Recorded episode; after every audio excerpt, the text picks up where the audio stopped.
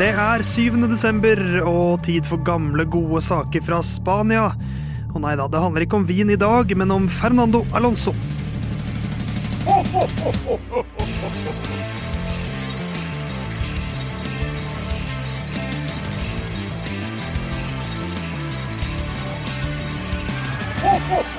Det er eh, en ny dag i desember. Vi har kommet til 7. desember, en uke inn i advent. Det er torsdag. Herman er opptatt med å stjele mandelen i grøten i alle norske barnehager. Mens i studio så sitter Jon Halvdan og Theis og skal snakke om en ny Formel 1-fører. Hva er ditt forhold til mandel i grøt, Jon Halvdan? Eh, pleier vel ikke å få det. Eh, syns jeg, jeg liker eh, julemarsipan i liksom moderate mengder. Eh, Hva vil du si er moderat mengde julemarsipan? det Åtte kilo? Nei, det er eh, hva skal vi si eh, riktig mengde marsipan til sjokolade. Jeg tok med sånn julemarsipanstang til deg eh, til innspilling, Theis. Eh, det er riktig mengde. Marsipangris med sjokoladetrekk for mye. Enig når du kommer til midtpartiet. Typ eh, altså ribba, for eksempel, da, på, eh, Ja. på eh, og bogen, for eksempel. Da blir det mye. Men uh, hodet, altså snuten, grisesnuten, som jeg kaller det, den syns jeg er passe. Ja. Og føttene. Syltelabbene. Ja, jeg liker jo litt sjokolade til òg, da. Men, eh, og det er vel noen julemarsipangriser med sjokoladetrekk? Ja, det var, det var de jeg tenkte på. Ja, for det er på midtpartiet så er det da for lite sjokolade Ja, målt mot marsipan, men Ja. i i grisens ytterpunkter så er vekten mellom sjokolade Ja, altså syltelabbene, Ja. marsipansyltelabbene. Ja. Perfekt. Ja. Eh, I går prata vi Martinus Stenshorne, uh, yngstemann i årets julekalender. I dag er det eldstemann, Fernando Alonso. Herman har noen følelser rundt uh, eldgamle mannen. Jeg føler at Fernando Alonso eh, har funnet sin plass i Formel 1.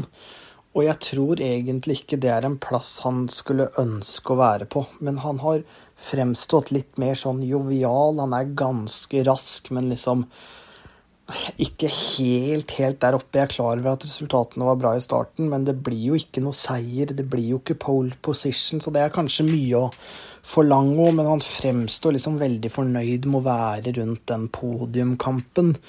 Um, og så blir det jo veldig sofaekspertsynsing rundt det, da, men på en måte nesten litt skuffa over at han ikke klarte å kapitalisere mer på den bra bilen i starten. Um, og etter hvert så har det bare liksom gått litt nedover derfra. Så jeg, jeg sitter nesten med en følelse at eh, her kunne Fernando Alonso fått det mer med det utrolige potensialet han har. eh, samtidig som det er en bunnsolid sesong. Ja, solid, men, eh, men på en måte litt, litt tafatt samtidig. Ne, Jeg syns det er litt strengt. Altså, han eh, fullfører på fjerdeplass, 206 poeng, eh, som han da slår eh, Leclerc med, som har samme poeng på comeback. Han starter sesongen på de første åtte løpene, så tar han seks podieplasseringer, som er to flere enn Peres. Så det er en helt uh, utrolig, uh, eller smått utrolig start, kan man vel si. Utrolig, så utrolig at Ja. du får så mye vann i, vann i munnen at du Ja, må svelge stort der. Ikke, ikke, ikke sant. Uh, mot Stroll så tar han da 132 flere poeng. Så det er også litt greia da. Hvor er bilen uh, sammenligna med førerne? Eh, sannsynligvis et sted midt imellom her. Kanskje mer mot Stroll, nei, mer mot eh, Alonso enn Stroll, men la oss si midt imellom. Eh, som betyr at det er litt hardt å si at han burde tatt seire i eh, når han ikke var i nærheten på sine beste løp. Eh, Men det er mer enn godkjent sesong. Eh, Han tar totalt åtte podieplasseringer, som er bare én mindre enn Peres, hvis vi ekskluderer sprintløp. Som også er eh, eh, mer enn godkjent. Eh, altså man, vi vet at Peres har underprestert, men eh, lell eh, så eh, syns jeg at det er godkjent for Alonso. Godkjent. Det er hans beste VM-sammenlagtplassering siden 2013. Mm. Eh, Så det er jo ti år siden sist han var så høyt oppe i VM-mesterskapet til slutt. Ja. Verdensmesterskapet, som jeg sa der.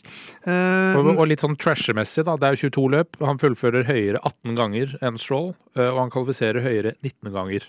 Ja, Det er nok kanskje ikke den tøffeste makkeren han har hatt noen gang, men, men jeg syns jo samtidig, hvis vi skal vri det litt over til Altså Han tar sin hundrede podieplassering i Saudi-Arabia. Starten av sesongen, da var han helt konge. Alle snakket om at herregud, kan det, kan det skje? Kan det tredje mesterskapet komme i år?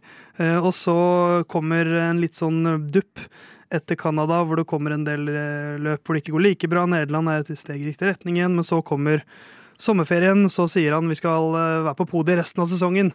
Den gang ei Nando. Det ble én podieplassering til. Um, og så, um, hvis vi skal gå videre da, til mest uh, Starter vi bunnpunktet eller høypunktet? Holdt på å si høydepunktet. Høydepunktet har, har jeg, føler jeg er liksom bare sta, følelsen rundt han i starten av sesongen. Har du et annet høydepunkt? Uh, ja, jeg, jeg, vil ha det mest uh, imponerende enkeltløpet, som er det regntunge Nederland. hvor han da kjører seg opp til fra femteplass til en andreplass, som er vel da siste podieplassering han tar også. Eh, men det er sånn eh, peak eh, ikke Det er nest siste podieplassering. Han tok en i Brasil også. På om det var Nei, det var ikke diskvalifisering der. Samme det.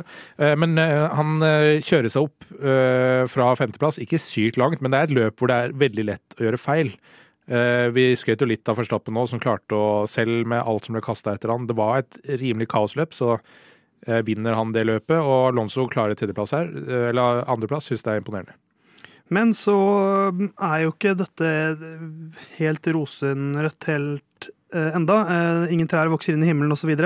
Heller ikke Aston Martin. Vi trodde kanskje det i starten av sesongen. Han trodde kanskje det i starten av sesongen. Mm. Men så stagnerer det. Men likevel så er jo det laget det laget som tar på en måte det største bykset i årets sesong, anført av Fernando Alonso. så men, men, det er jo likevel den, den nedturen etter, etter sommerpausen hvor de plutselig var ganske tamme, uh, hvor Alonso var nedre del av poengene som regel.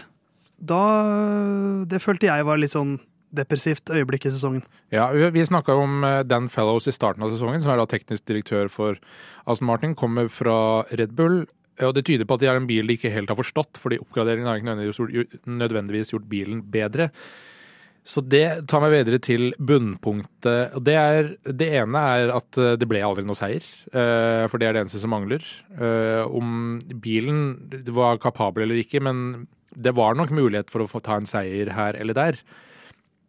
Og da Det er jo anført da at bilen må ta noe av skylda for det også, og at bilen ikke ble bedre, men heller dårligere versus konkurrentene, det er også et bunnpunkt for meg. Og da er spørsmålet, Jon, eh, hvis vi skal se litt inn i fremtiden, eh, før vi ser eh, under treet hva han har gjemt til oss der, kan Alonso få en rolle i Aston Martin litt sånn som Michael Schumacher hadde i Mercedes?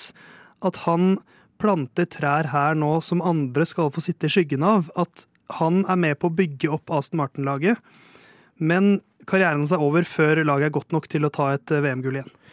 Eh, usikkert. Da er det jo eh, spørsmålet innenfor regelverket i dag, som skal erstattes i 2026. Eh, kan Aston Martin ta eh, VM-gull i løpet av den perioden? Det tror kanskje ikke jeg. Så da må han i så fall kjøre 27, da, og så må de, han danne grunnlaget for at de får en eh, potensiell verdensmesterskapsbil eh, fra 2026. Eh, og da er unge Alonso om tre år, da er han 45 år gammel, eller da fyller han 45. Ja. Han fylte jo 42 i år. Det er kanskje litt mye å be om, eh, er det ikke det? Altså, man kan Du kommer langt på fandenivoldskhet og gammel råskap, ja, men, men eh, klokka tikker for oss alle. Ja, På et tidspunkt da, så er ikke reaksjonsevnen der den skal være, og det er eh, alder og eh, elektriske impulser i hjernen som går saktere. Ja, hvor det ikke er noe mulig å gjøre noe med det. Og kroppen skal også takle alle disse G-kreftene. og mm uansett hvor, hvor, hardt man trener og jobber, så, så selv ikke Alonso kan kjøre fra døden. Uh, og da mener jeg ikke at han kommer til å dø, Nei. men jeg tror du skjønner hva jeg mener. Ja, jeg skjønner hva du mener. Uh, men ja, Alonso skal kjøre neste år også, han. Med ja. Stroll ved sin side. Ikke sant? Og det... vi får håpe det ikke går dårligere da, for hans del. Ja, jeg, jeg håper jo at uh, Martin nå klarer å utvikle seg gjennom sesongen, komme til sesongstart med en bil som er kompetitiv med Ferrari og Mercedes iallfall. Jeg tror igjen Red Bull er for langt unna, men eh, det får vi jo se i mars igjen, når vi nærmer oss med preseason testing osv. Men da uh, bidrar til spenning i toppen, og en seier eller to. Seier på Lance Stroll, eh, og kanskje en til Fernando Alonso neste år, hadde vært gøy. Vi får gi han det i gave neste år, men hva får vi av jul til Fernando Alonso i år? Har jeg lyst til å begynne? Ja, det har ja. jeg.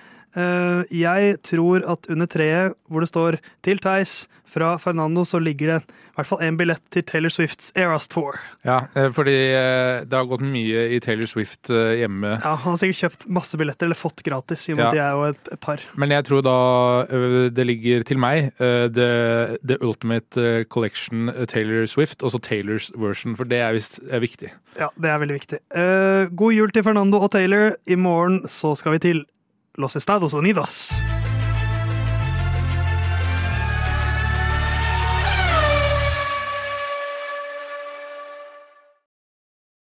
Good luck this weekend, Stroll. Thanks.